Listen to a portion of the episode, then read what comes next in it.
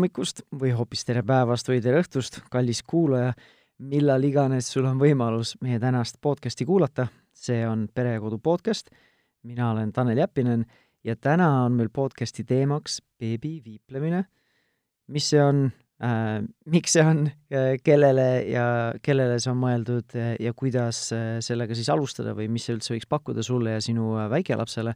ja selleks on meil saatekülaliseks siin telefoni teel liitunud Karoliine Piksarv. tere, Karoliine! tere, tere! ja ma alguses tutvustan sind ise ja siis lasen sul enda, endale täiendada, et Karoliine on ise kahe lapse ema, mõlemad on eh, võrdlemisi noored või väikelapsed veel või vähemalt eelkooliealised, saab öelda? jah, mul on kahepoolene ja viieaastane. nii, ja siis Karoliine eh, on beebiviiplemise programmi üks loojatest Eestis ja siis beebiviiplemise õpetaja juba kaks aastat ja ise koduses keskkonnas on sellega tegelenud viis aastat siis vanema lapsega, vanema lapse beebieast alates. tahad sa, Karoliine mm, -hmm. midagi veel täienduseks äh, lisada või sai kõik oluline öeldud? Äh, jaa, no ma olen tegelenud elus hästi paljude erinevate asjadega ja, ja õpetanud äh, ja, ja, ja tegelenud nagu erinevate valdkondadega, aga viimased aastad on tõesti minu elus hästi kesksel kohal see beebiviiplemise õpetamine ja, ja see, et me kuidagi võtsime kätte ja tegime ära selle beebiviiplemise programmi Eestis. Äh, see on asi, mida mujal maailmas tegelikult teatakse juba, võiks öelda aastakümneid aga, aga ma sain äh, üsna pea aru, kui ma oma vanema lapsega siis viiplemist alustasin, et Eestis ei tea sellest ke praktiliselt keegi mitte midagi. noh, nüüd ma loodan, et viimane, viimased paar aastat on seda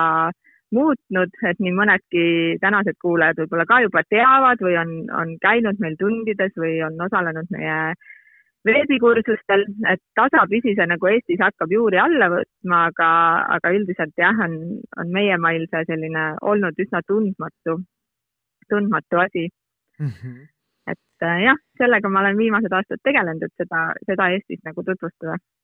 selge ja ma natukene võib-olla nõustuksin isegi sinuga, sest mina olen ise püüdnud olla võrdlemisi selline teadlik lapsevanem või isa, hästi kaasatud, nii palju, kui mul on seda aega ja võimekust ja oskusi, siis äh, Äh, noh, paratamatult selline väikelapse või uue beebi koju toomine, eriti kui ta on veel esimene laps ka, siis see, see infotulv, mis, kus sa võid ennast ära matta, on päris suur, et õppida absoluutselt iga asja kohta, alates sellest, mis esimesed ärevused on, et kuidas ma teda üldse elus hoian, on ju. ja siis mm. minul endal ei olnud nagu sellist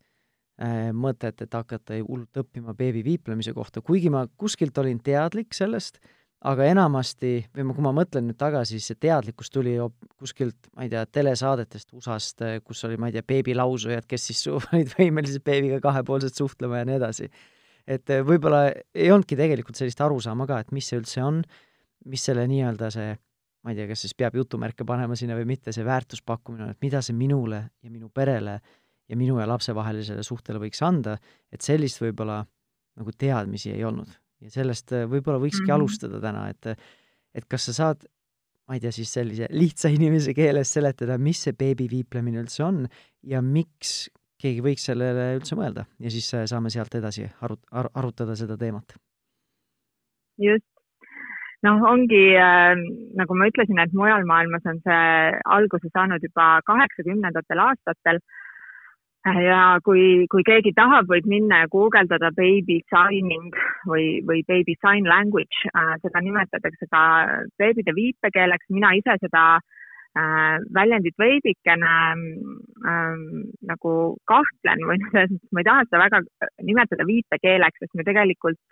ei õpeta äh, viipekeelt kui nagu täielikku keelesüsteemi või mingit sellist äh, noh, totaalselt mingit erinevat suhtlus suhtlussüsteemi, vaid beebi viiplemine on siis selline ähm, ma ütleks, ma ei ütleks isegi, et see on mingisugune metoodika või, või, või trikk või nipp, vaid see on lihtsalt,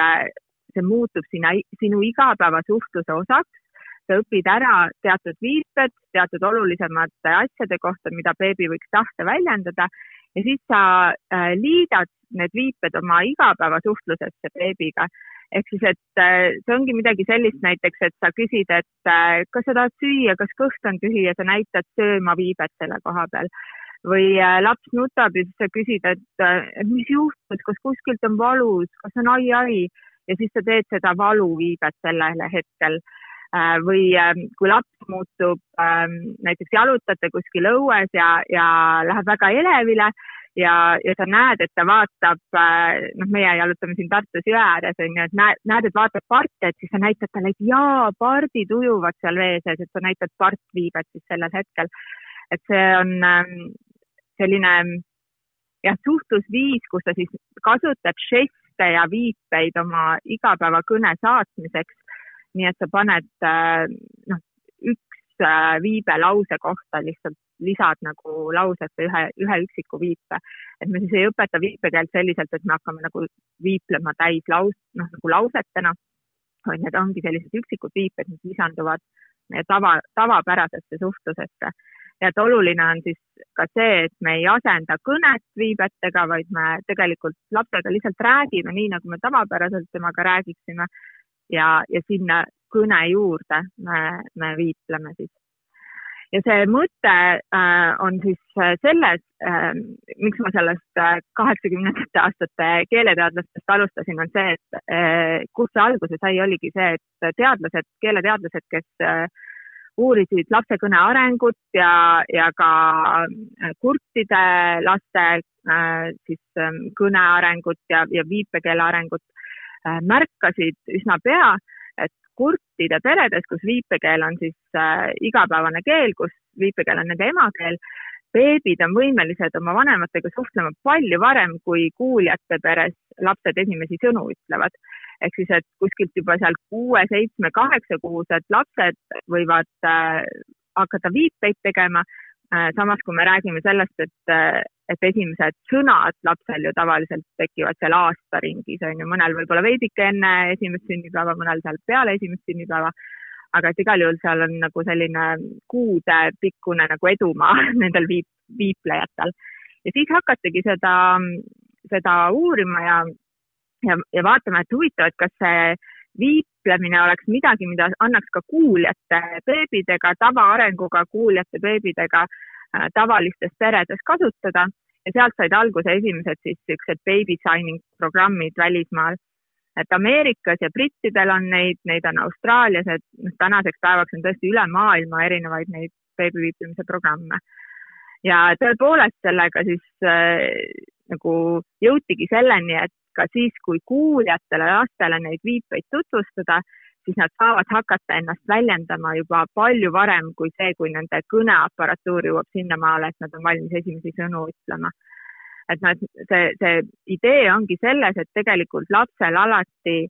mm, siis sõnade tähendused on varem olemas kui see, et ta ütleb selle sõna välja, noh et kui sa seal kuskil kümnekuuselt lapselt äh, küsid, et kas sa piima tahad, siis ta, ta läheb näost juba särama, eks ole, et ta teab, mis nüüd tuleb, on ju, et ta teab, et iga kord, kui emme ütleb mingisugune piim või pii, ta nagu tunneb selle sõna ära, ta teab selle sõna tähendust, ta teab, mis sellele järgneb. või, või seal juba alla-aastaste lastega, et sa ütled, et mine too pall, siis ta võtab palli ja toob, aga ta ei oska võib-olla seda sõna välja öelda veel et siis sellest hetkest, kui tal need tähendused on olemas, aga kõneaparatuur veel alles harjutab oma neid ga, ga, ga ja ba, ba, ba-sid, et siis sellest hetkest alates tegelikult tema motoorika on juba nii kaugel, et ta saaks hakata viipeid tegema, et ta saaks hakata nende žestide teel meile just neid samu tähendusi edasi andma. et see on see niisugune lühidalt kokkuvõttes niisugune beebiviiplemise iva. Ehk siis, kas ma sain õigesti aru, et see on rohkem siis just sellele, selleks või see väärtus on rohkem selles, et ma saan oma beebiga kahepoolselt varem ja efektiivsemalt suhelda, sest beebil, nagu sa ütlesid ka, et see arusaamine on enam-vähem samasugune meie, meie nii-öelda kõnest. ja, ja et tal on, et me, me tihtilugu nagu alahindame oma, oma lapsi selles, et kui palju nad mõistavad juba seal noh, alates kuuest kuust hakkab tekkima see selline tähenduste nagu kaardistamine, et nad hakkavad nagu märkama et mis sõnade tähendused on. Ja, ja et me tihtilugu nagu ootame neid esimesi sõnu nende poolt, aru saamata, et tegelikult selleks hetkeks, kui laps ütleb oma esimese sõna, isegi kui see on see niisugune noh, tema oma sõna, et ta ütleb lambi asemel näiteks pa või ütleb palli asemel pa, äh, et siis äh, enne seda on tegelikult tema passiivne sõnavara juba kümnetes ja kümnetes sõnades. et, et see, et laps on tegelikult võimeline meiega suhtlema ka, ka, ka palju varem, just. väga põnev, aga tegelikult, kui ma nüüd sinu juttu kuulasin, siis äh, pean tunnistama, et ma natukene valetasin alguses et tegelikult, tegelikult me oma esimese lapsega äh, natukene nii-öelda siis katsetasime selle beebi viiplemise või mingite märkidega, sest me elasime Kanadas, kui meie vanem laps oli neli pool, viis kuud kuni umbes kümnekuune, siis me elasime viis kuud äh, Kanadas ja, ja seal siis, äh, ma ei mäletagi, kust see tuli, et äh, seal me siis nagu õpetasime või rääkisime temaga, sest ta sai nii-öelda selgeks, see oligi vist kaks asja, mis me tegime, üks asi, üks oli piim ja teine asi oli siis veel või juurde ja ma mm -hmm. mäletan, et kui tegelikult, see oli vist eelmine suvi, kui ma sinuga trehvasin rõõmsate või õnnelike, kuidas iganes see lastefestivalil oli Pärnus, siis kui ma rääi-, näitasin sulle neid, sa ütlesid, et, et eesti, eesti keeles needsamad märgid tähendavad midagi muud, et see on nagu huvitav, et kas erinevates keeltes või erinevates süsteemides need märgid on natukene erinevate tähendustega? jaa tegelikult ongi asi, mida väga palju ei teata, see on täitsa niisugune silmaringi küsimus, mida iga inimene võiks teada, on see, et viipekeeled äh, on maailmas kõik erinevad, et samamoodi nagu meil on eesti keel ja, ja inglise keel ja saksa keel ja vene keel, et siis on äh, Eestis täiesti oma eesti viipekeel ameeriklastel on, isegi inglise keeled on erinevad, et brittidel on oma viipekeel, ameeriklastel on Ameerika viipekeel, austraallastel on Austraalia viipekeel ja kõigil muudel väiksematel rahvustel niisamuti, et tegelikult viipekeele on maailmas samamoodi väga-väga palju erinevaid. mingis osas nad sarnanevad, et äh, viipekeel on hästi visuaalne, ähm, ta noh, läbi selle visuaalse üritab kirjeldada siis äh, maailma on ju, et see sööma viibe, kus ma nagu toon justkui toidupalakese suu juurde, see on väga paljudes keeltes sarnane, äh, sest et lihtsalt see söömine niimoodi käibki, on ju aga on väga palju teisi viipeid, mis võivad olla täiesti erinevad ja võib-olla neid nii-öelda false friends ehk siis, et tõesti, et see viibe tähendab mingis muus viibe, viipekeeles midagi hoopis muud.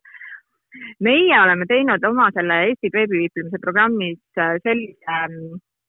noh, nagu põhimõttelise otsuse, et kui me seda programmi hakkasime looma, siis äh, me oleksime võinud võtta ka üle mingisuguse muu maailma beebiviiplemise programmi noh, neid on tõesti maailmas väga palju erinevaid ja ma arvan, et nii paljudki teised äh, Eesti pered on ka sattunud kuhugi ähm, Ameerika Youtube'i kanalitele või, või mujale lehtedele ja, ja hakanud võib-olla sealt neid viipeid kasutama. selles ei ole ka midagi iseenesest nagu halba, et need noh, lapse jaoks ei ole vahet, kas sa teed talle nagu eesti viipekeeles või Ameerika viipekeeles, et ta võtab need omaks noh, nii ehk naa. Aga et meie siis programmi luues tegime tõesti selle otsuse, et miks mitte kasutada meie oma Eestis olemasolevat eesti viipekeelt äh, ja võtta need viiped eesti viipekeelest, sest see, sest meil on see olemas, meil on äh, täiesti oma ähm, unikaalne omaenda Eesti värk olemas, et samamoodi nagu me võib-olla eelistame eestimaist toitumises või või ma ei tea, siin varsti tuleb aktuaalseks on ju siseturism, et miks mitte siis nagu tõesti aidata kaasa selle oma eesti viipekeele väärtustamisele ja, ja natuke ka enda silmaringi laiendada, et äh, sa ei tea kunagi, millal sul elus võib-olla tuleb kokkupuude mõne viip, mõne viipekeelse inimesega. et kui sa siis nagu äh, talle tahad öelda, et oo, tead, mina ka viiplesin oma lapsega ja teed siis talle neid Ameerika viipeid, siis ta ei pruugi sinust üldse aru saada, onju et, et ja meil on äh, Eesti viipekeelsed viiped ja, ja oleme võtnud ka niimoodi, et tõesti ei ole väga palju neid kohandanud, vaid võtnud täiesti nii, nagu viipekeelsed pered neid kasutavad, sest et ka viipekeelsetes peredes lapsed ju mõni viibe on keerulisem, aga nad lõpuks ikkagi omandavad selle viipe samamoodi nagu meil on mõned sõnad on kõnekeeles on nagu keerulised ja lõpuks lapsed ikkagi jõuavad selleni, et ütlevad sulle ma ei tea, mis meil oli, kaelkirjak, mitte killkaerak, nagu minu laps vahepeal ütles, onju. et ta jõuab selleni ka keeruliste viiepete puhul. et jah, minul on hästi suur selline huvi tekkinud lihtsalt selle kahe aasta jooksul, kus ma olen seda programmi loonud, ka see ka eesti viipekeele vastu, ma tõesti käisin isegi viipekeele kursustel ja see viipekeelne maailm on väga-väga põnev, täiesti omaette teema mm. -hmm. no iseenesest on, tegelikult on paeluv, et kui palju see väike laps või beebi on võimeline ise suhtlema, enne kui ta verbaalselt see võimekus tekib. aga mm -hmm. sa ise ütlesid ka, et see ei ole nagu, eesmärk ei ole siis lapsele õpetada selgeks täiesti teist keelt, et ta nüüd, ma ei tea, kaheaastasena või pooleteistaastasena võid öelda, et oi, mul on laps kakskeelne, on ju. et kuidas, no sina oled oma vanema lapsega kasutanud seda algusest peale, ilmselt noorema lapsega samamoodi, on ju? aga nüüd, kus on kahe poole ja viieaastased, kui, kas ja kui palju te kasutate viipekeelt? No niimoodi, et meil on jah, olukord oli selline, võib-olla natuke räägin tausta, et äh, praeguseks minu viieaastane tütar, et kui tema sündis, siis me samamoodi, me elasime Šotimaal siis poolteist aastat äh, tema elust. Äh, esimesed poolteist aastat ja seal ähm, ma selle viipe, beebi viiplemise otsa nagu kuidagi täiesti juhuslikult komistasin, ega mina ka sellest tegelikult, kui ta sündis, eriti midagi ei teadnud, mul ei olnud ka ju ühtegi sõpra-tuttavat, ei olnud niisuguse asjaga kunagi tegelenud. aga kohalikus seal Šotimaa linnakeses hakkasin otsima lihtsalt mingit võimalust siis, kui laps oli umbes seal kuuekuune, et saaks nagu kodust välja, sealt nelja seina vahelt välja, et äkki peaks ka kuhugi noh, minema kas beebiga võimlema või ujuma või et kuhugi minna. Ja siis äh, oli meie linnakeses seal selline äh, beebide laulugrupp, mille nimi oligi Sing and Sign äh, ja hiljem siis selgus, et see on üks brittide üks suurematest beebiviiplemise programmidest, et see ongi selline üleriigiline frantsiis, neid on erinevates linnades, neid grupikesi aga alguses hakkasingi käima seal lihtsalt selleks, et nagu lapsega lauluringis käia, et mulle laulda meeldib ja tore saab teiste emmedega kokku ja nii. Äh, ja siis tasapisi kuidagi, kuna seal neid viipeid õpetati, see oligi selle nagu grupi mõte, seda beebiviiplemist samamoodi meile tutvustada, siis äh, tasapisi hakkasin nagu kodus ka proovima, et noh, ma võin ju siis noh, vaadata, et mis värk sellega on. Ja alguses ma ei olnud mingi üliagar viipleja, ma noh, tegin niimoodi, kui meelde tuli, onju Äh, aga siis, kui laps hakkas mulle vastu viiplema, kui olid need esimesed siuksed ahaa-kogemused, et vau, see asi töötabki, äh, siis minu motivatsioon küll tohutult tõusis, ma hakkasin selle kohta rohkem lugema, ma noh, tõesti lugesin raamatuid, uurisin selle kohta juurde ja sain aru, et see on ikkagi väga väärt asi. Äh, ja, ja siis ma võtsin tõepoolest palju-palju rohkem viipeid ka kasutusele et ei jäänud ainult selle esimese mingisuguse kahe, kolme või viie viite juurde seal, et piim ja veel ja kõik valmis ja mingi mähkmevahetus on ju, et mis need niisugused tüüpilised on. aga et äh, tõepoolest meil olid kasutusel erinevad loomad, meil olid seal äh, transpordivahendid, kõik meie igapäevategevused, et me tegelikult viiplesin temaga noh, kogu päeva jooksul ikkagi ja tema viiples mulle vastu ka väga-väga palju toredaid igasuguseid situatsioone oli meil, kus, kus sa saadki aru, et vau, ta mäletab või ta teab või ta märkab, mis asju ta kõik enda ümber nagu märkab, millest tal muidu ei oleks üldsegi aimu. ja siis, kui me äh, tagasi tulime Eestisse äh,, kui vanem laps sai kahepoolene, siis sündis meil äh, noorem ja ja samamoodi ma siin Eestis siis hakkasin nagu ringi vaatama, et oh, ma tahaks nagu noorema lapsega ka viibelda, et see oli nii äge kogemus. vanem laps mul muidugi hakkas hästi varakult ka rääkima, et ta oli niisugune poolteist, äh, kui ta juba noh,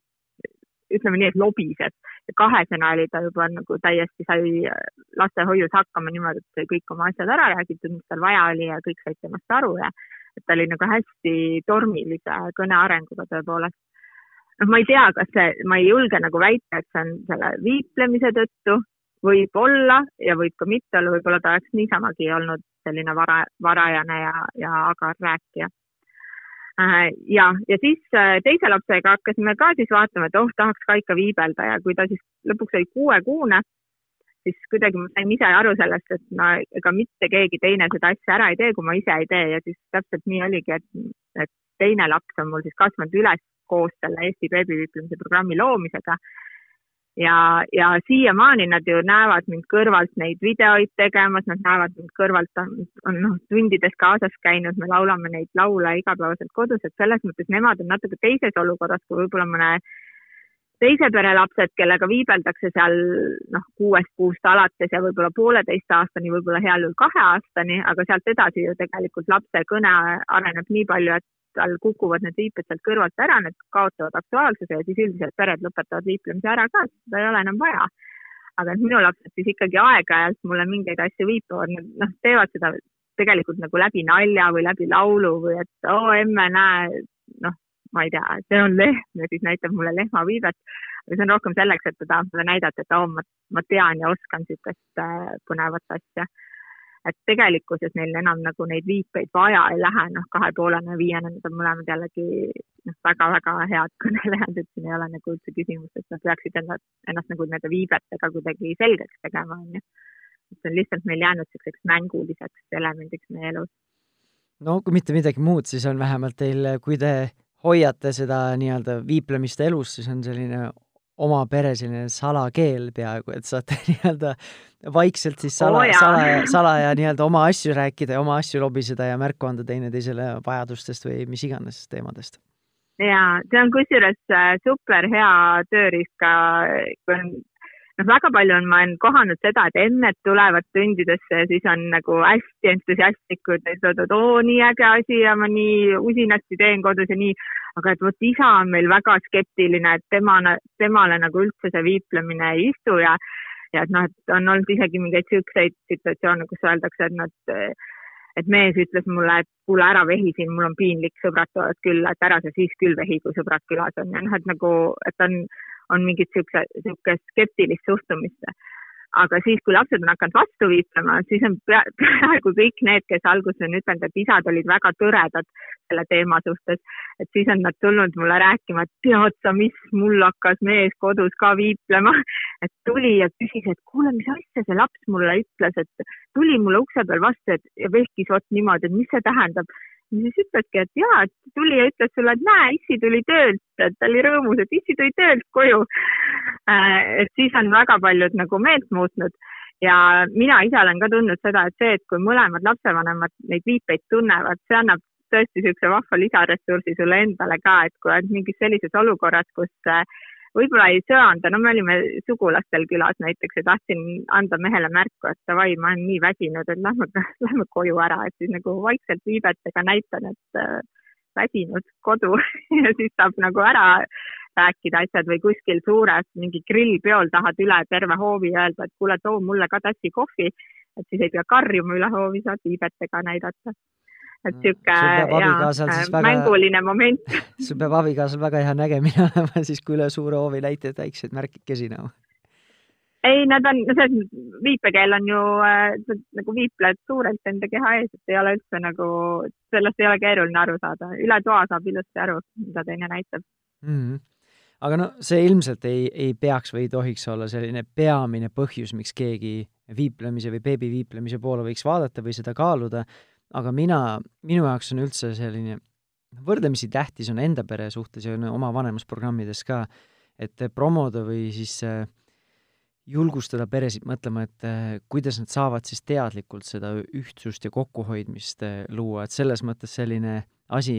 võib olla vabalt selline, mis eristab meid kõikidest teistest ja mis mingil määral nagu ühendab meid. et see on nagu lisandväärtus teatud mõttes mm. -hmm. eks see ole ja see on, äh, noh, mina olen ise kogenud seda, et, äh, et üldse see, et ma läksin sinna Sing and Sign gruppi, et ma hakkasin seal käima, et kuidagi see, noh, see tõesti annab nagu sellele võib-olla muidu natuke tüütuna ja, ja sellisele lõputu võitlusena tunduvale beebieale mingi sellise nagu toreda, vahva lisategevuse, et ei ole ainult see titt, selline röökiv pamp, kellel tuleb ainult nagu süüa anda ja mähed vahetada ja siis nagu kodus nelja seina vahel lahastada, onju. et sul on, et sul on temaga koos mingisugune vahva selline lõbus projekt mina olen seda hästi palju võtnud ka sellise tõesti nagu eksperimenteerimislustina, et äh, tõesti, ma ütleks nii, et beebiütlemine sobib hästi sellistele peredele, kellele, kellele meeldibki nagu katsetada, keda intrigeerib see, see mõte sellest, et oo oh,, äkki tõepoolest on võimalik oma lapsega juba väga varakult nagu seda suhet looma hakata. ja, ja et äh, nagu endale ka nüüd see viibete õppimine, mina tundsin, et aitab minu seda niisugust äh, muidu nagu piimaaju, et mis muidu ei, ei tegele üldse enam asiste teemadega, ainult mingi mähkmepesuga onju. et aitab seda nagu vormis hoida, et ma õpin ühte uut oskust, ma, ma omandan nagu uut oskust, õpin neid viiteid ja, ja üritan neid meelde jätta ja et selline hea vaimne noh, trenn võiks öelda see ei ole eriliselt äh, suur pingutus, see ei ole mingisugune magistritöö kirjutamine, onju, aga, aga ta on niisugune just paras väikene selline vaimne turgutus endale ka. et selles mõttes minu arust on hästi hea selline ellujää, ellujäämistööriist ka sellises beebieas ja, ja väikelapse eas, mis muidu ei ole alati kõige kergemate killast mm. -hmm no mina kindlasti ei saa rääkida emade eest ja ilmselt ei saa rääkida ka kõikide isade eest, aga kui ma ise mõtlen äh, ennast tagasi mõlema lapse puhul selle, just selle beebiea juurde, siis äh, minu arust on selline nagu suhtlemisviisid või ükskõik mis, olgu see siis ka kas või see, et ma esimest korda näen, et beebi tõesti naeratas mulle või siis hoiab minuga silmsidet või koogab ja nii edasi, et see eriti, ma tahaks öelda isadele, aga vähemalt mulle, andiski sellist äh, no sellise, endale annab rohkem või parema sellise kontaktitunde, et mul tõesti nagu me saame hakata seda suhet looma või ma näen mingit tagasisidet enda käitumisele, et siis see aitab äh, mingil määral seda sude, suhet või seda sidet eh, samamoodi tekitada või luua või hoida paremini. ja, ja, ja sellest on, on ka väga palju kirjutatud noh, seda on väga raske mõõta, et teadlased on seal kaheksakümnendatel, üheksakümnendatel, nad üritasid nagu seda beebiviiplemise kasu kuidagi nagu teaduslikult ka tõestada, onju. ja siis oli neid väiteid, mis, mis ütlesid, et beebiviiplemine on väga hea sellise äh, tugeva kiindumussuhte äh, looja või, või tööriist, mis aitab seda kiindumussuhet äh, lapse ja lapsevanema vahel nagu tugevdada. aga noh, see on selline asi, mida sul ei ole võimalik kuidagi teaduslikult nagu äh, väga hästi analüüsida, onju, et kellel on nüüd tugev kiindumussuhe ja kellel ei ole ja, ja mitu kraadi tugev ta on, onju küll aga minu enda kogemus ja, ja need pered, kellega ma olen nüüd viimased kaks aastat töötanud, et nad ise ütlevad sedasama, et, äh, et see, et ma saan oma lapsest aru ja ma saan temaga, et ta, et tõepoolest tal ei ole nagu ainus ressurss ennast väljendada, ainult see nutt, on ju, et ta saab, saab ennast selgeks teha, mina mõistan teda ja ma saan tema vajadustele siis kiiremini vastata ja tema mõista, tema saab nagu selle väga võimsa kogemuse, et mind, minust saadakse aru, mind on mõistetud ja minust hoolitakse ja, ja, ja mind aidatakse noh, mingisuguses olukorras on ju, et ma, ma olen võimeline ennast nagu äh, maailmaga kontakti astuma, et see annab lapsele nagu väga võimsa stardipaku elus, et tõepoolest selle niisuguse tugeva sisetunde, et mina olen võrdne perekonnaliige, mina, mina saan ka siin, noh, et, et kui sul on see niisugune seitsme-kaheksakuune istub perega koos õhtusöögilauas, on ju et ta ei ole nagu niisugune lihtsalt seal külje peal olev mingisugune tagareaistuja, vaid et tema on täitsa võrdne suhtluspartner meie kõigi seas siin ja ta saab samamoodi mulle näidata, et jaa, banaan, mina söön banaani või, või saab küsida, et ma tahan veel putru või, ja, ja ma saan temaga nagu dialoogi astuda. et see tõepoolest, noh, minu loogika ütleb, et see võiks olla lapsele väga selline noh, võimas, positiivne varajane suhtluskogemus ja, ja ma olen ise näinud, et see väga motiveerib lapsi nagu edasi suhtlema. et see, kui ta on esimesed sellised positiivsed kogemused kätte saanud, et oo, ma, ma saan nagu oma vanematega kontakti astuda, ta üritab nagu seda, selle asjaga nagu eksperimenteerida ise ka, et katsetada, et mida veel ma saan, mida, mida ma veel saan öelda, mida ma veel saan nagu selgeks teha ja, ja just äh, minu jaoks on olnud hästi äh, tore tõdemus ka see, et äh, beebiviiplemine ähm, annab äh, lapsele selle tööriista, millega saab ta väljendada ka neid asju, mida ta noh, et meil on nagu laps väljendab näiteks frustratsiooni nutuga onju või oma mingeid põhivajadusi, et tal on mähemärg või tal on kõhtri või tal on valus kuskilt, et ta nutab onju. aga mõtle, kui palju on neid asju äh,, mida nad märkavad ja mõtlevad ja näevad, mida nad nutuga ei saaks väljendada. et noh, et see, et, et ta et sa jalutad ja ta näeb parte või et talle teeb nalja see, et linnud tõusid lendu, et seda ta nut-, noh, ta ei hakkaks nutma selle peale, onju, aga tal puudub nagu tööriist, millega seda väljendada, noh, võib-olla mõnikord naerab, onju, või, või teeb mingit naerunägu, aga et saada siis aru, et mis asi see talle nüüd nagu nalja tegi, onju. et minule oli hästi silmi avav see, et, et kui palju nad tegelikult ikkagi ka seda kõike muud aduvad ja tajuvad. no näiteks mul oli selline vestlus oma noorema lapsega, et istusime lõunasöögilauas ja ma hakkasin talle rääkima seda, et õhtul tuleb vanaisa külla, et noh, meil on vanemad elavad Tallinnas, ise elame Tartus. mul oli isa Tartus tööl, tööd tegemas ja ta pidi õhtul meie juurest läbi tulema. räägin siis lapsele, et, et van, ja näitan viibet, et vanaisa tuleb külla, et täna õhtul tuleb vanaisa ja mis me temaga koos siis sööme õhtust ja teeme kooki ja nii. ja siis laps vaatab mulle otsa ja hakkab äh, patsutama oma kintsu peale ja teeb mulle koer viibet ja tõepoolest minu vanematel on äh, imearmas äh, labrador, mis on loomulikult nagu laste kõige-kõige suurem äh, meelelahutus üldse, et kui me lähme vanaemale, vanaisale külla, siis nagu see koer on kõige-kõige-kõige tähtsam asi. et ma ei oleks elu sees äh, selles situatsioonis seal söögilauas lapsega arutades teadnud, et kui ma räägin vanaisast, siis tema mõtleb, et vanaisal on koer ja siis ma noh, rääkisingi, et jaa, ma tean, vanaisil on kutsa, onju aga et vot koer täna ei tule kaasa, et kutsa jäi koju, aga vanaisa tuleb külla, onju. meil oli täitsa pikk selline nagu noh, mõtete vahetus on ju allaaastase lapsega, kes veel ei ütelnud sõna koer ega isegi mitte aua. Äh, et äh, sellised asjad, mis nagu kuidagi tekitavad selle hästi sooja ja, ja armsa tunde, et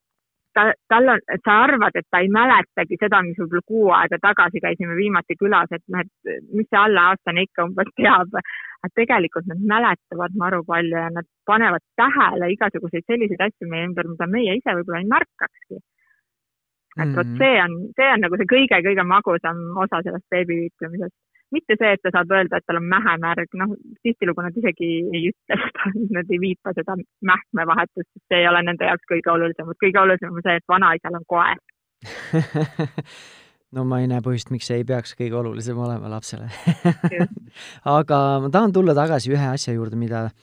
eh, mille sa ise välja tõid just eelmises nii-öelda segmendis või küsimuse juures, et sa ütlesid, et sinu vanem laps et temal arenes kõne, kõne võrdlemisi kiiresti või varajaselt välja, et äh, see on üks selline murekohtasid, mis minu kõrvu on ka sattunud nende poolt, kes äh, võib-olla ma ei tea, siis ei taha väga hinnata seda beebi viiplemist, et kardetaksegi seda, et äh, kuna lapsel on olemas nii-öelda see füüsiline viis keha ja kätega väljendada ennast, et siis tal puudub see motivatsioon kõnena ennast või kõnega ennast väljendada. et kas on oskad sa seda kuidagi adresseerida või on selle kohta tehtud mingeid uuringuid, mis äh, kas kummutavad selle või kinnitavad seda või, mis see suhtumine üldse beebiviiplejate seas on, et kas see pigem julgustab kõne arengut või siis äh, pärsib seda või on see väga individuaalne mm? -hmm. no üldse lapse kõne arengu selline igasugune lapse arengu tempo ja need arenguetapid ongi hästi individuaalsed, onju et äh, mingisugused keskmised on, on ju öeldud välja ja siis äh, võib juhtuda, et üks laps on nagu kõvasti keskmisest ees ja teine on kõvasti keskmisest taga, aga tegelikult on kõik nagu normi piires. et äh, seda mm, lapse kõne arengut ja beebiviiplemist on just ka kaheksakümnendatel, üheksakümnendatel, millal see oli hästi-hästi niisugune tormiline just, just nagu uuringute tegemine seal seal valdkonnas, äh, et siis on uuritud ja, ja see järeldus, milleni siis jõuti, noh, üheksakümnendatel üritati vahepeal väita seda, et, et sellel beebiga viiplemisel on tohutu ähm, kõne arengut äh, nagu toetav mõju, et äh, need lapsed on nagu kõrgema IQ-ga ja neil on, ma ei tea, mitusada sõna rohkem kui teistel ja nii et siis nüüd viimase aja uuringud tegelikult selle äh, nii julgeid järeldusi ei julge teha äh,. ütlevad, et tegelikult see, sellel ei pruugi olla nagu tohutut, et, et see ei anna nagu tohutut pikaajalist eelist, et sul nüüd oleks, ma ei tea, viieaastane oleks äh, mingisugune imelaps, sellepärast et sa temaga kuuekuuselt viiplesid, onju. Äh, küll aga ähm,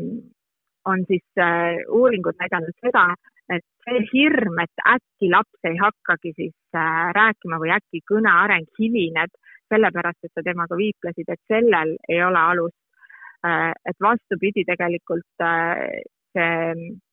varane positiivne suhtluskogemus, nagu ma ütlesin, alati innustab lapsi veelgi rohkem suhtlema, veelgi enam nagu noh, selle teema ümber mängima et see on, see on nagu umbes sama äh, loogika nagu äh, see, kui sa ütled, et oi, su laps hakkas nüüd käputama, et ta saab ju nüüd toas igale poole ligi, kus ta tahab minna, onju, et äkki ta nüüd ei hakkagi käima. Äh, noh, sellepärast, et ta käputab ringi, onju, et tal ei olegi ju vaja ju noh, käima hakata, miks ta peaks käima, ta saab igale poole selle käputamisega ju minna et, et see on sama nagu alusetu hirm, et tegelikult meil on loomuomane keelt omandada ja kuna sa ei viiple temaga ju ka tummalt, sa alati räägid ju sul, noh, selles mõttes ta kuuleb neid sõnu ja ta paratamatult selle viiplemisega koos ka, ka teebki oma seda lalisemist ja koogamist ja kõike nagu edasi. et see kõne areng ei, ei asendu nende viibetega, vaid et need viiped nagu on üks etapp selles, selles pikas äh, kõne ja kommunikatsioonioskuste arengus lapse jaoks. et see on noh, seesama niisugune naljameem on liikunud ringi, et ähm, et kui sa õpetad oma lapsele, et lehvita vanaemale tadaa, et ütle tadaa, et äkki siis ta ei hakkagi kunagi ütlema head aega, sest et noh, ta ju saab lehvitada, onju, et ta saab selle vehkimisega ka ütelda tadaa. et, et see, see, sellel hirmul tõepoolest ei ole mingit alust ja seda on ka, on ka uuringud näidanud küll aga ähm, ma ei, noh, et ei saa öelda, et, et kui sa nüüd viipled lapsega, et siis ähm,, siis on välistatud see, et ta ongi näiteks hiline äh, kõneleja, et noh, minu kogemus enda kahe lapsega oli see, et nad olid mõlemad hästi varased kõnelejad, aga võib-olla nad oleks seda olnud ka ilma viiplemiseta ähm,. ja, ja mõned meie kogukonna lapsed on äh, olnud üsna hilised kõnelejad ja nad oleks olnud seda ka ilma viiplemiseta, et see, see viiplemine ei ole põhjustanud seda kõne arengu hilinemist kindlasti mitte. ja vastupidi, sel juhul kõik need emad on ütelnud seda, et nii kulda väärt võimalus, et mul on vähemalt need viiped olemas, et laps, laps saab vähemalt nagu viibete teel ennast selgeks teha, sest et kui sa kujutad ette sellist pooleteise või kaheaastast äh, oma tunnete tunnetega noh, niisuguses tormilises äh, ajastus olevat äh, last, et kui tal siis on väga vähe äh, nagu seda verbaalset ressurss, ressurssi, et tal, tal ei ole nagu võimalik ennast sõnadega väljendada ja siis tal ei ole neid viipeid ka, siis tal jääbki nagu ainukene selline väljendusvahend see, et ta näitab näpuga või viib noh, ema käe kõrval kuhugi, mida ta tahab näidata või siis nutab tõepoolest, onju et, et sel juhul, kui on sellised hilised kõnelejad, ähm, et siis nende puhul on need viiped täiesti suurepärane ressurss, vähemalt see arenguetapp, kus neil veel ei ole kõnet, on nagu kaetud, on ju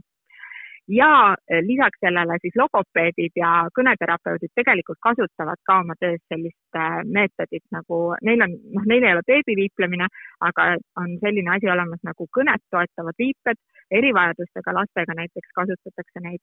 Eh, et on täiesti olemaski ka kõneteraapias selline, selline nagu noh, tööriist on ju, kus siis äh, laps, kes sellel mingil põhjusel ei ole äh, nagu selle kõne arenguga hästi, et teda aidatakse nagu siis nende viibetega. et ja äh,, et ei ole karta vaja seda, et kõne areng hilineks sellepärast, et sa viipled temaga. no omalt poolt ma näen juba selles väärtust, et kui, kui keegi, see lapsevanem on ise või lapsevanemad on ise pühendunud sellele viiplemisele või beebi viiplemisele, et siis see juba ilmselt kaudselt nagu tõstab seda, kui palju nad oma beebiga püüavad suhelda. ja see juba aitab seda kontakti paremini hoida, aitab eh, beebil suhelda paremini, aru saada lapsevanemast ja nii edasi, aga noh, aga selleks peab ilmselt ja, seda ikkagi järjepidevalt tegema. ja, ja ma olen eh, selle kohta isegi mingit uuringut, ma nüüd ei oska viidata tänasel päeval enam, kust ma seda lugesin, aga, aga oli väga huvitav uuring eh, selle kohta, et on, oli siis tehtud, salvestatud kodust keskkonda peredes, kes viiplesid oma lapsega ja peredes, kes siis ei viibinud, kes olid nii-öelda noh, tavapärased äh, beebidega pered. ja siis statistiliselt leiti, et need pered, kes viiplevad, need lapsevanemad ütlesid päeva roh-, päeva jooksul lapsele rohkem äh, lauseid, rohkem sõnu kuulis laps päeva jooksul. et see viiplemine kuidagi äh, paneb enda jaoks ka fookuse sellele, et, et tõepoolest sa võib-olla mingis olukorras ei ütlekski lapsele midagi, et jalutad seal, noh, okei okay,, nagu vaatas parta, siis vaatas, sina oled ikka oma mõttes, onju. Aga see, et, et sa tead, et oo oh,, selles olukorras ma võiks talle näidata seda, et oo oh,, pardi tujusid, siis sa ütled võib-olla seda kolm lauset, seda parti näitad, seda viibet ütled kuidagi erinevas kontekst, erinevas variatsioonis seda pardiga lauset, et see tõepoolest paneb nagu rohkem suhtlema. Ja teine asi, ta paneb, äh, teeb väga tähelepanelikuks lapse signaalidele sest et sa tead, et noh, et, midagi need asjad tähendavad, mida seal kätega ta vehib ja sa üritad nagu mõista, et, mis see nüüd on, mida ta, mida ta tahab mulle öelda et olukorrad, mida võib-olla tavaliselt sa noh, üldse ei panekski tähele, et lapsed ikka vehivad kätega, onju. et siis see lapsevanem on nagu noh, see veebiviidlemine paneb mingid tundled püsti, et sa hakkad nagu rohkem keskenduma, rohkem tähele panema last mm. -hmm. ja lõpus ma tahan tegelikult tulla ühe teema juurde veel, et just sellest, et see, et see ikkagi nõuab pühendumust lapsevanema poolt, et sa pead ise õppima neid eh, käemärke äh, ja seda järjepidevalt tegema ja võib-olla ongi see, et, et kelle jaoks see tegelikult on või kelle, kes võiks sellest äh, potentsiaalsest võimalusest kinni haarata. et kui ma mõtlen näiteks enda naise peale, kes koges sünnitusjärgset depressiooni ja see, kogu see ema roll sellel esimesel aastal oligi tegelikult nagu kõike hoomav ja võib-olla oleks talle nagu liiga palju olnud sellega tegeleda, aga võib-olla mitte, me kunagi ei tea, me ei saa ajas tagasi minna aga mm. nagu eesmärk ei ole tänasel sellel podcast'il seda, et öelda, et nüüd kõik peaksid seda tegema ja kui sa ei tee, siis sa kaotad, ma ei tea, sellise uskumatult hea võimaluse oma beebiga kontakt luua. et see nagu ei ole eesmärk seda süütunnet tekitada, et kui sul ei ole ressursse sellega tegeleda mm. -hmm. aga kas sa saad natukene nagu kommenteerida seda, just seda ressurssi, et mis see nõuab või kui palju see nõuab ja kas see on selline nagu must ja valge, et kas ma tegelen beebi viiplemisega või üldse ei tegele, et kas on nii-öelda ei või jaa või saab seda, ma ei tea, mingis väiksemas kapatsiteedis teha, nagu meie nii-öelda kogemata nii-öelda tegime, et põhimõtteliselt õpetasimegi lapsele ainult kaks asja, et piima ja juurde või veel, et ähm, et kui palju see tegelikult nagu ressursse nõuab või kui palju nagu võiks sellega arvestada või et see ressursi hulk nagu või see ei tohiks, et see ära ei ehmataks kedagi, kellel tegelikult huvi on olemas.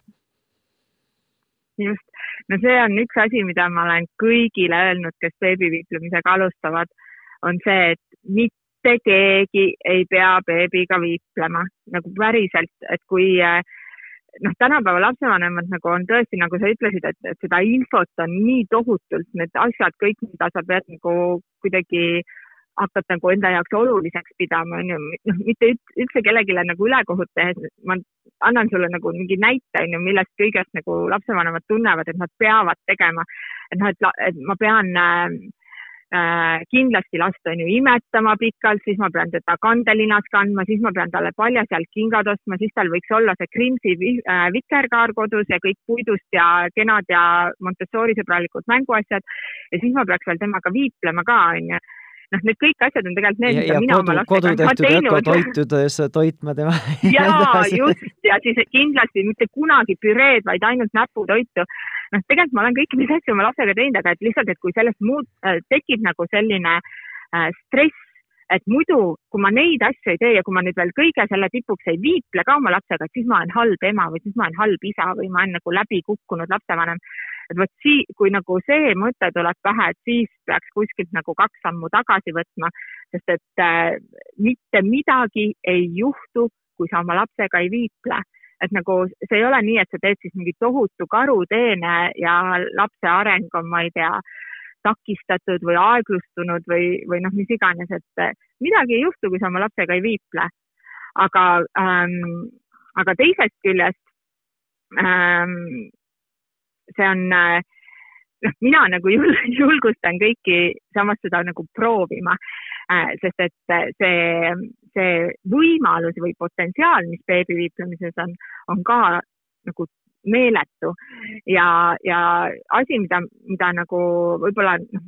osad ei tea, tõepoolest on see, et see ei ole raketiteadus. Et tegelikult selleks, et hakata oma lapsega viipeid kasutama, nii nagu teiegi tegite, on ju, äh, selleks ei ole vaja, ma ei tea, kümmet raamatut läbi lugeda ja siis veel mingil kursusel käia ja siis iga õhtu nagu tund aega pühendada viibete õppimisele. et seda ei ole absoluutselt vaja, et seda on tõepoolest võimalik alustada nagu väga-väga lihtsalt, äh, väga noh, sellise nagu madala ressursiga. Ähm, seal on mõned nüansid, mida võiks teada noh, kasvõi see, et äh, tõepoolest alati me räägime siis, kui me lapsega viipleme, onju, siis seal on mõningad sellised nüansid, mida me oma kursustel ka räägime, et kuidas neid esimesi viipeid valida välja selleks, et need oleks tõesti nagu äh, ka lapse jaoks nagu last kõnetavad, onju, et ta hakkaks sulle päriselt vastu viiplema, et sa võid nagu oma peaga mõelda, et tõepoolest, et nagu see mähkmevahetus ja sööma-jooma on kõige tähtsamad asjad lapse jaoks, aga no ei pruugi olla, onju et seal on mõningad väiksed nüansid, aga need on tõesti nagu äh, noh, sellised nagu ülilihtsad printsiibid ja sealt edasi sa võid nagu võtta mingi kaks-kolm viibet ja hakata kohe järgmine päev pihta. ja üks asi ka, mida ma, äh, mis on nagu näiteks meie programmi põhimõttes äh, üsna erinev sellest, mida mõnikord kuskil Ameerika saitidel võib näha, et mina olen selle nii-öelda noh, nagu mõtteviisi esindaja, et beebiviiplemine ei pea olema mingisugune selline äh, meetod või sul ei ole vaja nagu selleks võtta mingit eraldi aega, et me nüüd teeme nagu, hakkame õppima viipeid beebiga, et võtame mingid nagu need flashcardid või pildikaardid kätte ja hakkame nagu trillima seda kuidagi, et nii, vaata õunapilt, nüüd tee õun, õun või et nüüd on koera pilt, nüüd tee koer. Äh, et sellist trilli minu arust ei ole ka üldsegi vaja, ma olen ise taustalt olen äh, keeleteadust õppinud, on ju, ma olen filoloog, et ma tean seda, et lapse keele areng on kõige efektiivsem siis, kui sa, kui ta kogeb seda, seda keelt kogu oma väljendusrikkuses, oma igapäevaelus, igapäevasituatsioonides. et mitte see, et ma ei näita talle nagu seda õunapilti ja teen siis viibet, vaid ma teengi seda õunaviibet siis, kui me parasjagu istume ja sööme vahepealaks õunu või lähme vanaema aeda ja õunad on seal puu all maas ja, ja siis ma, siis ta võtab õuna üles ja siis ma näitan, jaa, see on õun, sa leidsid õuna, paneme õuna korvi. et ma räägin lihtsalt oma tavapärast juttu, mida ma niikuinii räägiksin lapsega ja siis sinna juurde teen neid viiteid. Äh, et see tegelikult nagu mina ise tunnen, et, et see ei, see ei olnud nagu mingisugune selline vaev või, või kuidagi nagu mingi lisa Äh, selline jah, nagu pingutus, et jah, alguses võib-olla võttis natuke aega, et äh, harjuda nende viibetega, aga, aga siis, kui see sai nagu omaseks, siis see tuli automaatselt, et ma ei mõelnudki selle peale, mu käed lihtsalt iseenesest tegid neid asju, siis kui, siis iga kord, kui ma ütlesin õun, mu käsi juba tegi õunaviibet. Ähm, et jaa, seda ei pea nagu võtma sellise tohutu mingisuguse e-, ettevõtmisena või suure projektina, et võib väga-väga lihtsalt alustada, võib tõepoolest alustadagi paari-kolme-nelja viipega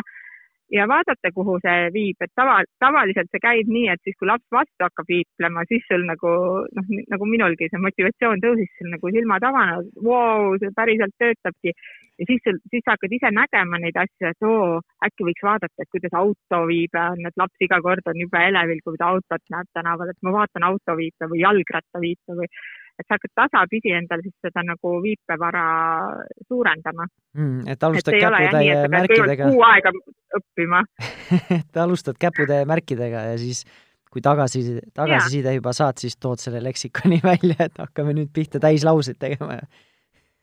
no täislauseid me kunagi ei tee äh, beebiviiplemises, selleks ei ole lihtsalt vajadust, aga lapsed hakkavad ise äh, kõige aktiivsem viiplemise periood lastel on tavaliselt tegelikult seal ütleme aasta pluss, et nad esimesed viiped tulevad alla aasta, aga tegelikult nad väga-väga aktiivselt on seal, viiplevad seal aastased ja pooleteistaastased ja niimoodi. Mm.. ja nemad hakkavad küll ise viipeid kombineerima, et näiteks äh, jalutasime sealsamas äh, jõe ääres ja siis laps nägi parte, tegi mulle viibet part ja pesema nagu järjest onju mm -hmm., et ta tegelikult tegi nagu kaheviipelise lause äh, ajal, mil ta tegelikult ütles alles oma esimesi sõnu, on ju. no samamoodi nagu äh, tegelikult keeleline areng käib samamoodi, et alustavad ühe-kahesõnalised mm, -hmm. siis tuleb kolme-neli ja siis vaata, oo, mingi viis lauset pani järjest, viis, viis sõna pani järjest lauses, siis paned märgi kuskile kalendrisse kirja, on ju. et noh, samamoodi nii-öelda see progressioon on nagu sarnane siis on, on ja siis, kui tal mingi hetk juba tegelikult sõnaliselt tulevad need asjad nii hästi välja, et ta, ta nagu tajub, et sa saad temast aru ka ilma selle viipeta, siis need viiped tegelikult sealt iseenesest kaovad küljest ära, seda ka hästi palju küsitakse, et, et kaua ta viiplema jääb niimoodi. tegelikult hästi loomulikult lapsed lõpetavad ise selle viiplemise ära. selle asja nimi on keele ökonoomsuse printsiip, et noh, see on see, miks me ütleme sõbrale on ju tšau, mitte iga kord ei ütle, et äh, jää jumalaga, armas sõber nagu me tegelikult üritame hästi nagu ökonoomselt äh, rääkida, suhelda ja, ja sellepärast see viibe nagu mingi hetk tegelikult tajub, et see on üleliigne, et ema saab aru, kui ma ütlen, et pardid ujuvad ja siis ta enam ei viiple mulle aga meil hakkab see salvestusaeg nüüd läbi saama, et kas äh, sa tunned, Karoliin, et kõik oluline sai jagatud ja öeldud või on midagi, mis on kripeldama jäänud ja mida sa tahaksid veel kas rõhutada või eraldi välja tuua siin lõpus ähm,? Ma arvan, et kõige suurem selline mõte ongi, et, et äh, katsetage, proovige ja, ja tõepoolest, et äh, keegi ei tunneks äh, nüüd mingit niisugust pinget või stressi, et, et ma nüüd peaksin nagu kindlasti seda tegema, muidu või midagi juhtub, onju et pigem äh, keda nagu see asi äh, kuidagi intrigeerib või tundub, et oo, nii põnev on ju, et võttagi seda, seda sellise nagu lusti ja, ja põnevusega ja, ja et kui sa võtad selle enda elu osaks, et siis äh, tõesti see on nagu see asi, mis peaks tekitama nii sinus kui lapses ja, ja sinu peres sellist suhtlusrõõmu, kusjuures ka õdede-vendade vahel, kellel on vanemad lapsed perekonnas, maru hea tööriist ka vanemale lapsele, noorema, selle, selle beebi uue pereliikmega suhte loomisel, et ta saab palju varem kätte selle tunde, et oo, et see ei olegi niisugune röökiv pamp, kes ainult Eesti tähelepanu nõuab, onju, vaid et ta, tema, et mina saan ka temaga suhelda, onju äh, et tõepoolest on selline suhtlusrõõmu pakkuv asi äh, ja kui see seda ei ole, kui see teeb sulle nagu niisugust lisapinget või stressi või mingit süütunnet, et siis ausõna, mitte midagi ei juhtu, kui sa seda ei tee ka. Äh, vot ja et, äh, et lihtsalt hakake kuskilt otsast pihta ja, ja, ja hakake nagu katsetama mm. -hmm. ja nüüd, kui meil on kuulaja, kellel tegelikult see pani tulukese põlema, et oh, tegelikult on ressurssi, tegelikult on huvi, tegelikult see on äge asi, mida ma tahaks proovida ja nüüd mõtleb ka, et ei tahaks nüüd Youtube'is neid inglise või mingeid muukeelseid viipeid teha ja tahaks nüüd Eesti oma viipekeelt või beebiviiplemist katsetada, proovida siis kuhu sa nad eh, suunaksid, kus nad eh, leiaksid esimesed sammud? ja siis eh, meie programmi koduleht on beebiviiplemine.ee ja, ja meid leiab ka Facebookis märksõnaga beebiviiplemine ja Instagrami konto on meil beebiviiplemine, et tegelikult mitte keegi teine Eestis meie teada ei, ei, ei tegele praegu selle beebiviiplemise õpetamisega, et kui te otsite beebiviiplemine, siis te kindlasti meid üles leiate, aga koduleht beebiviiplemine.ee ja meil äh, praegu nüüd äh, käib ka veebikursus, äh, kus me siis kaks korda nädalas teeme ka niisuguseid nagu koduseid lauluringe ja, ja õpetame lapsevanematele siis läbi veebi vahenduse neid, neid samu põhilisi viipeid ja, ja tasapisi ehitame üles seda viipevara. et siis võib tulla ja liituda meiega ka, ka veebikursusel ja et umbes seda ma vist ei maininud, et, et millal oleks hea alustada, et alates kuuest kuust on selline hea alustamise aeg ja kuue-kaheteist kuu vahel võiks, võiks äh, neid viipeid hakata kasutama. selleks, et siis laps äh, oleks väga tubli ja aktiivne viipleja seal aasta pluss ja, ja pooleteist aasta kandis. väga vahva, aga suur-suur aitäh sulle, Karoliine, et sa aja leidsid meie aitäh jaoks siin äh, hommikusel ajal kahe lapse kõrvalt ja tänane saatekülaline oli siis Karoliine Piksarv, teemaks oli beebiviiplemine ja selleks korraks ongi siis kõik. aitäh sulle ka, kallis kuulaja, et sa võtsid aega ja energiat, et seda tänast podcasti kuulata. kui see oli sulle huvitav või meeltmööda, siis meil on nii-öelda jutumärkides arhiivis juba kümneid ja kümneid eh, podcast'e alates beebide teemadest, eh, toitumisest, paarisuhtest, eh, lapse kasvatamisest ja kõigest muust, mis sinna vahele mahub ja sa leiad kõik need varasemad ja ka tulevased podcastid enda nutitelefoni podcasti äpist, Spotify'st või siis Delfi ning Pere ja Kodu veebiväljaannetest. ja kui sa juba oled aktiivne podcasti kuulaja, siis kindla, kindlasti vaata ka minu soolo podcasti, milleks on äh, positiivne, ei tegelikult rahumeelse vanemluse podcast, nii et äh, vaata seda ka. aga aitäh sulle veel kord ja järgmise korrani, tšau!